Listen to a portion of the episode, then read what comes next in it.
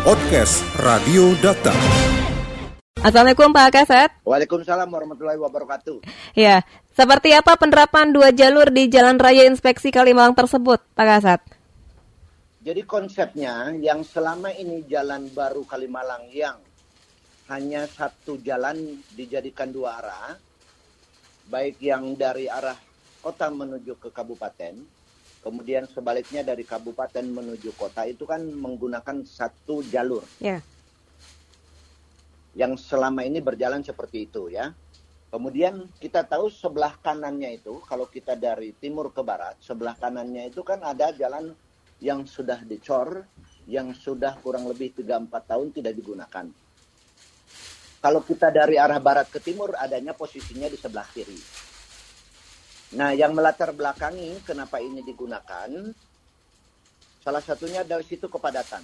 Hmm. Kepadatan lalu lintas baik di situ ada mobil umum, kemudian angkutan truk, kemudian mobil pribadi, ditambah lagi motor sehingga mengharuskan kita bagaimana caranya agar jalan ini menjadi lancar. Kemudian yang kedua adalah latar belakangnya di situ sering terjadi kecelakaan. Karena itu salah satu penyebabnya adalah sempitnya jalan sementara volume kendaraan tinggi. Nah, dengan dua alasan ini saya melihat bahwa ada peluang yang bisa kita gunakan jalan yang sudah ada tapi belum digunakan, yang selama ini digunakan oleh masyarakat sekitar seperti menaruh barang dagangan, Ya. kemudian orang berjualan di tengah jalan, apalagi kalau malam hari itu. Mulai dari habis maghrib itu sudah ditempatkan tuh dorongan-dorongan yang jualan pecel lele, bakso dan lain-lain itu ada semua di jalan. Nah, dengan latar belakang tadi maka kita akan berlakukan mulai perbatasan antara kota Bekasi dengan Kabupaten Bekasi yang sudah ada jalur sebelah kiri yang selama ini tidak digunakan mulai minggu depan awal bulan Oktober kita akan berlakukan seluruhnya. Yang sekarang kita lakukan adalah uh, pembersihan jalan seperti barang yang ada di jalan, kemudian tiang listrik yang ada di jalan, kemudian dorongan-dorongan pedagang kaki lima yang ada di jalan, kita lakukan sosialisasi untuk bisa meminggirkan atau membersihkan jalan masing-masing. Sehingga nanti pada waktunya di awal bulan Oktober, jalan-jalan itu sudah bisa kita lalui. Walaupun ada terputus. Misalkan dari wilayah Bekasi Kota perbatasan menuju ke kita. Ada jalan yang panjangnya cuma satu kilo. Kemudian nanti terputus karena rusak, masuk lagi ke kanan. Nanti di depan lagi ada jalan dua kilo.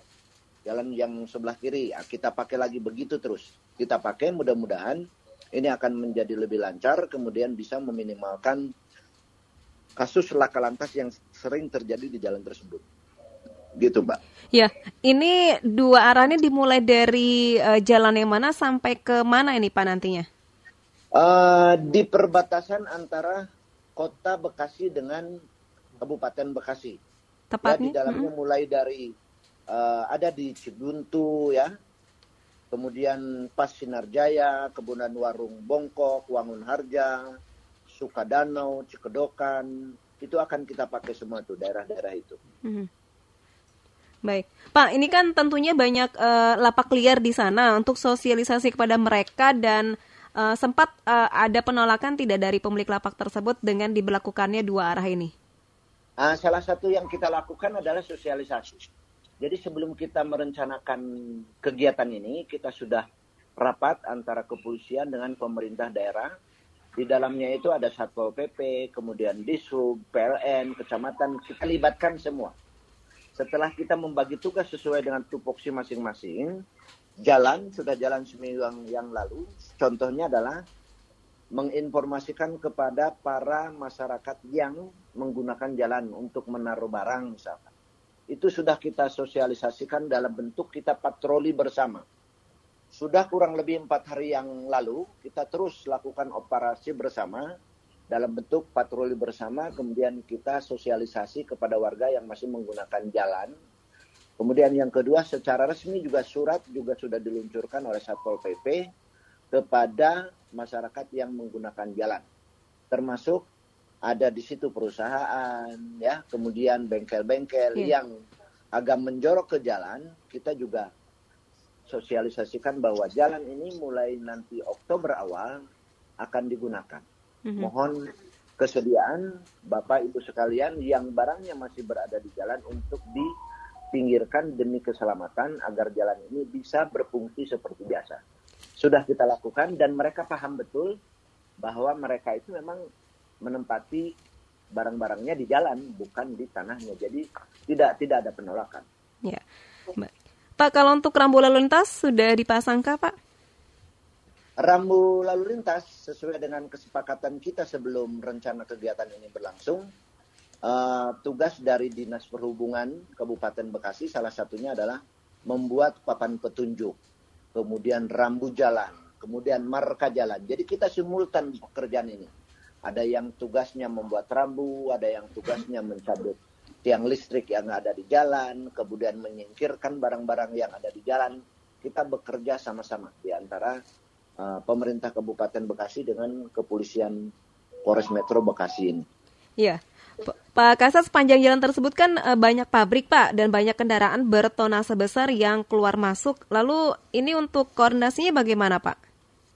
Kita sosialisasikan, kita kasih tahu bahwa kita uh, akan menggunakan jalan ini sebagaimana jalan yang ada sekarang juga kan sama juga titiknya ada di situ. Yeah. Di situ ada perusahaan, di situ ada bengkel, di situ ada penduduk, di situ ada orang yang jualan dan lain-lain. Tidak tidak masalah. Yang penting tidak menjorok ke jalan sehingga mengganggu arus lalu lintas. Hmm. Iya. Pak, ini kan menjadi kabar gembira bagi uh, pengguna kendaraan khususnya di roda dua yang kemarinnya begitu sempit, kini ada dua jalur. Tentu ini harus menjadi perhatian tersendiri agar tidak terjadi kecelakaan. Ada tidak Pak uh, sosialisasi terkait dengan pembatasan uh, kecepatan dan lain sebagainya Pak?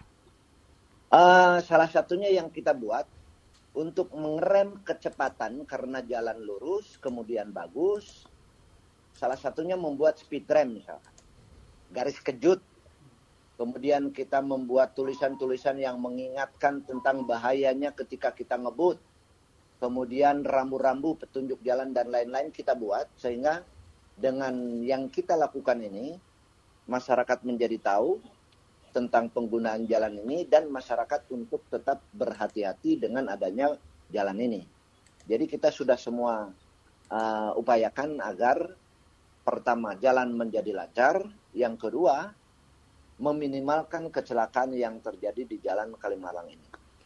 Baik. Dan Oktober masyarakat sudah bisa menggunakannya Pak ya tanpa ada uh, gangguan seperti uh, lapak liar dan lain sebagainya Pak ya? Kemarin sudah kita lakukan dari perempatan Cibuntu. Mm -hmm. Kita uji coba kemarin dan sekarang sudah berjalan dua hari. Uh, dan ini akan berlanjut sampai nanti ke titik akhir yaitu di daerah um, daerah Delta Emas itu. Desa Pasir Pasir eh, Tanjung. Iya, Pasir Tanjung. Berlakukan bertahap. Terakhir kan di Pasir Tanjung tuh ya. yang jalan ini. Baik. Perbatasan dengan wilayah Kerawang. Baik. Pak Kasat, terima kasih sudah berbincang bersama Dakta. Uh, jadi kesempatan ini iya, juga saya ingin menyampaikan kepada masyarakat dengan pemberlakuan jalan ini tetap kita harus berhati-hati di dalam mengemudikan apakah itu motor, kemudian mobil. Kemudian yang kedua juga saya minta dukungan dari masyarakat sekitar ya, mulai dari orang yang biasa berjualan di situ, kemudian menempatkan barangnya di situ, perusahaan-perusahaan yang ada di sepanjang jalan itu untuk mari kita sama-sama ciptakan jalan yang berkeselamatan. Itu himbauan saya. Baik. Terima kasih Pak Kasat atas informasinya. Assalamualaikum warahmatullahi wabarakatuh.